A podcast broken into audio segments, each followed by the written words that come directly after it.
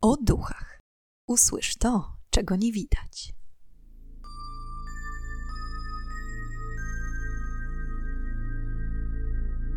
Witam i pytam, czego dusza pragnie. Strasznie miło mi gościć Was na moim kanale. W dzisiejszym odcinku chciałabym Wam opowiedzieć o trzech fotografiach, które od lat fascynują i przerażają każdego entuzjastę zjawisk paranormalnych. Czy jest możliwe, aby zdjęcia te uchwyciły duchy?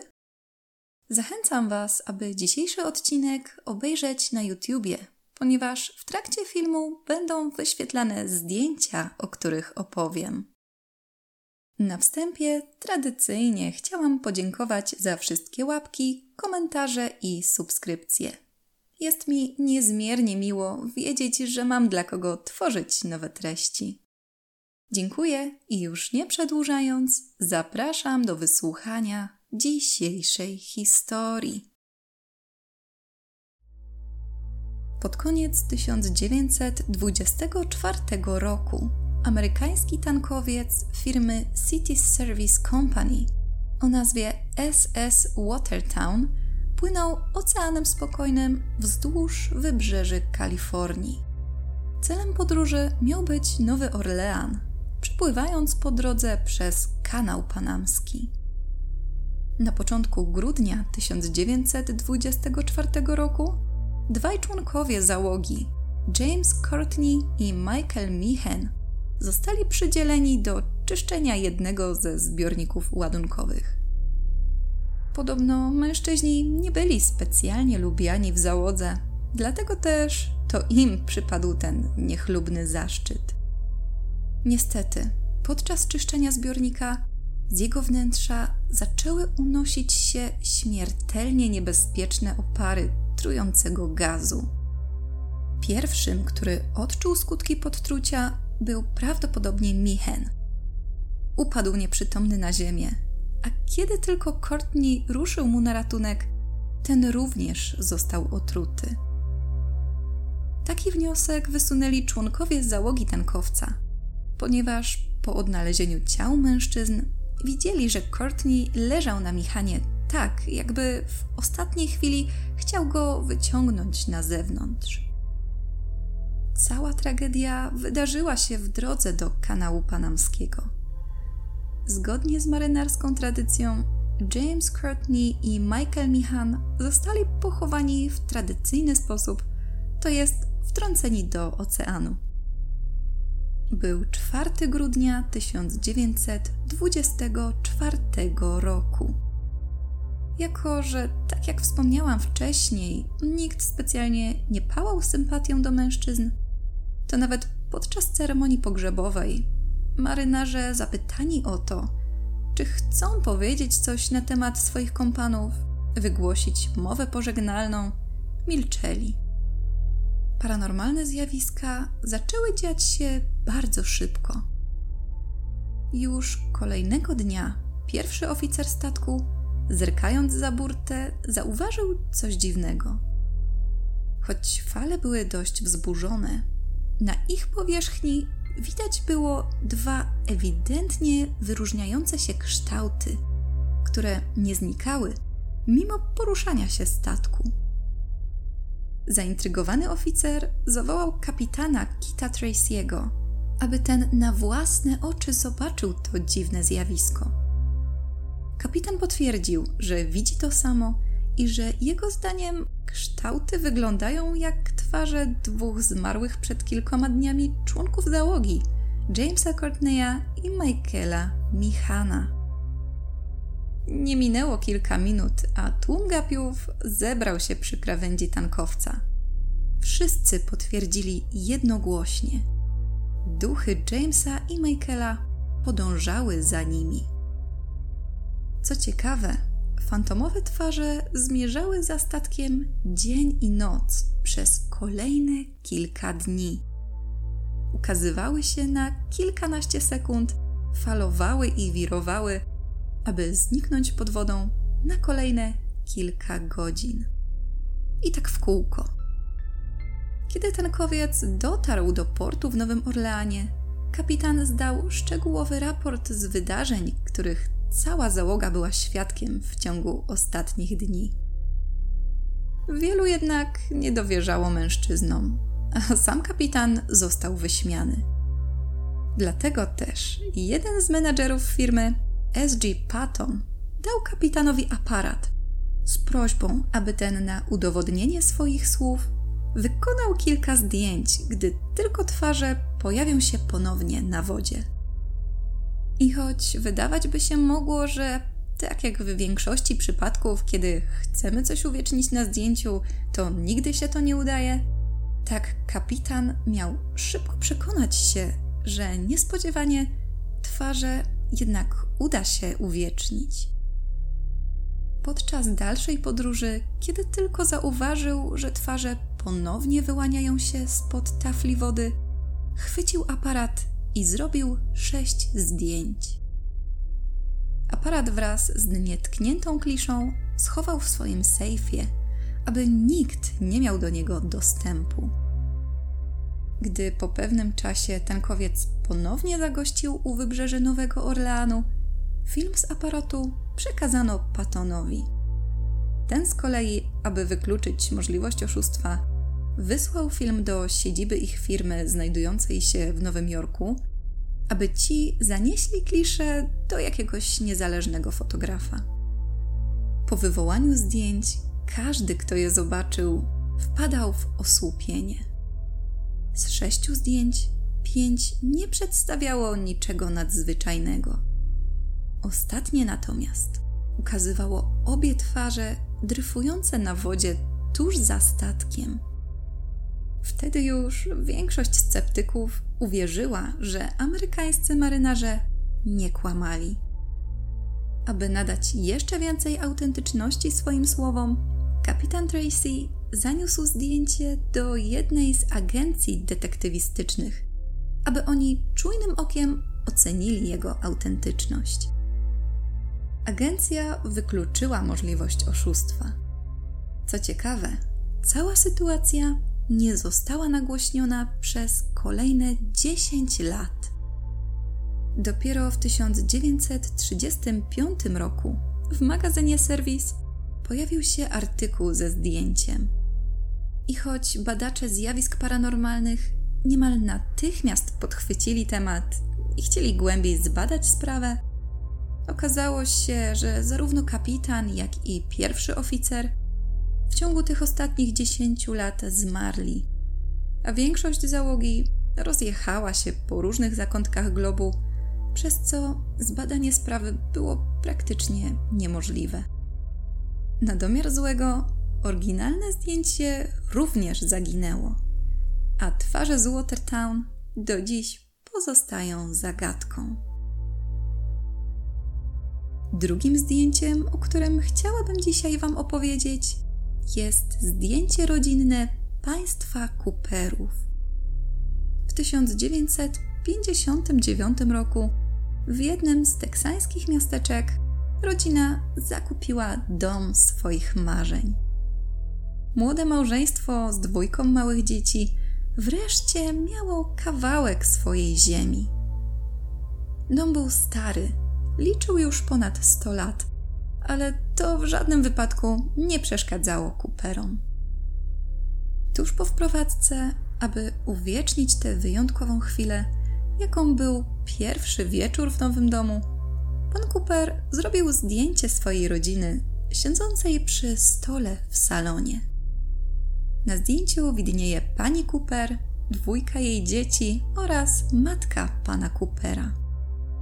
Podczas wykonywania zdjęcia nic nie wskazywało na to, że wydarzy się cokolwiek dziwnego.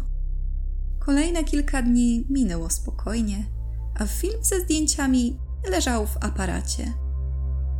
Dopiero po około tygodniu pan Cooper zaniósł film do wywołania i usłyszał, że zdjęcia będą do odbioru za około 6-7 dni.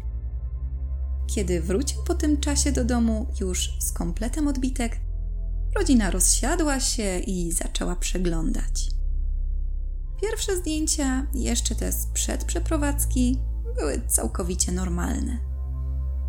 Dopiero kiedy natrafili na zdjęcie z pamiętnego pierwszego wieczoru w nowym domu, wszystkich oblał zimny pot. Po lewej stronie zdjęcia wyraźnie widać postać zwisającą z sufitu głową w dół, widoczną od głowy do pasa.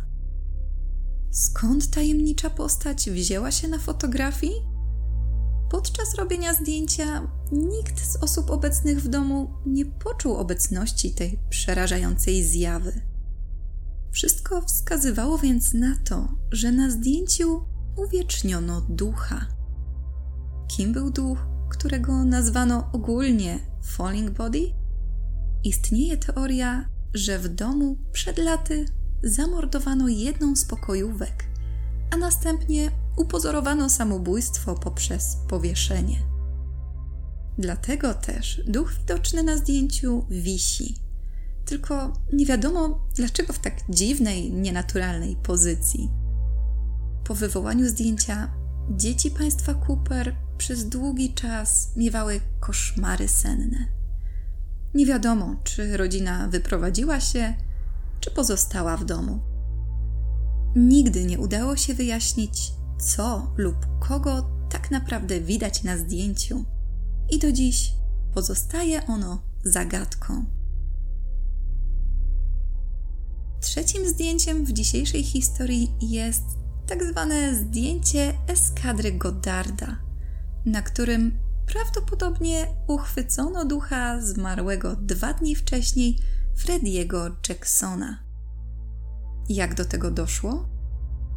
Podczas zawieszenia broni po I wojnie światowej eskadra Godarda służyła w ośrodku szkoleniowym HMS Dedalus w Cranwell w Anglii. W ciągu najbliższych dni wszyscy mieli zostać już zwolnieni ze służby i odejść, aby wieść swoje wolne od wojny życie. Freddie Jackson był jednym z żołnierzy i doświadczonych mechaników samolotowych. Niestety, pewnego feralnego dnia, na dwa dni przed umówionym fotografem, mającym zrobić zdjęcie grupowe całej eskadrze, zdarzył się wypadek. Nie do końca wiadomo, jak w ogóle doszło do wypadku, gdyż wydaje się on dość abstrakcyjny, ale oficer Sir Goddard pisał później w swojej książce, że tego typu wypadki, o dziwo, nie należały do rzadkości. Mianowicie Freddie Jackson wszedł wprost na ruszające się, uruchomione śmigło samolotu. Zginął na miejscu. Wszyscy członkowie szwadronu byli zszokowani tragedią, ponieważ nie podejrzewali, że Freddy będzie w stanie zrobić sobie krzywdę w ten sposób. Szybko jednak musieli otrząsnąć się po wypadku i już dwa dni później odbył się pogrzeb żołnierza. Tuż po uroczystości przybył fotograf, aby wykonać wcześniej umówione zdjęcie grupowe. Około 80 osób ustawiło się w kilku rzędach i zapozowało, uśmiechając się w swoich mundurach i czapkach wojskowych.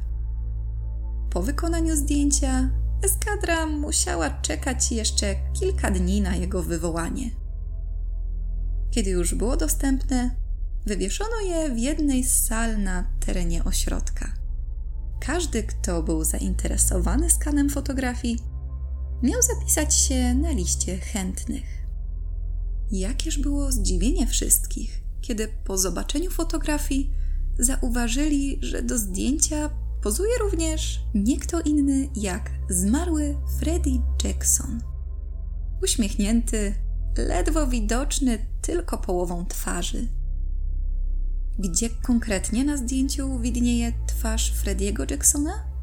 Jeśli przyjrzymy się dokładnie osobom w ostatnim rzędzie, a ściślej mówiąc, czwartemu od lewej żołnierzowi, możemy dostrzec, że za jego głowy wyłania się upiorna twarz. Freddy jako jedyny na zdjęciu nie ma czapki. Osoby, za którą się skrył, również nie wybrał przypadkowo. Był to sam oficer Sir Victor Goddard. co do tego, czy na zdjęciu faktycznie jest Freddy, nie było wątpliwości. Potwierdził to każdy z członków załogi, który spojrzał na fotografię. Skąd duch mężczyzny znalazł się w tamtym miejscu? Wielu badaczy zjawisk paranormalnych jest zdania, że przez rodzaj śmierci, jaka spotkała lotnika, czyli śmierć nagła, gwałtowna i w bardzo młodym wieku, jego dusza mogła nie zauważyć, że Freddy już nie żyje. Tym samym przez kolejne dwa dni jego duch błąkał się po terenie obozu, jak gdyby nigdy nic. A kiedy przyszła pora na zdjęcie grupowe, po prostu również chciał na nim być. Święcie przekonany, że nic się nie stało.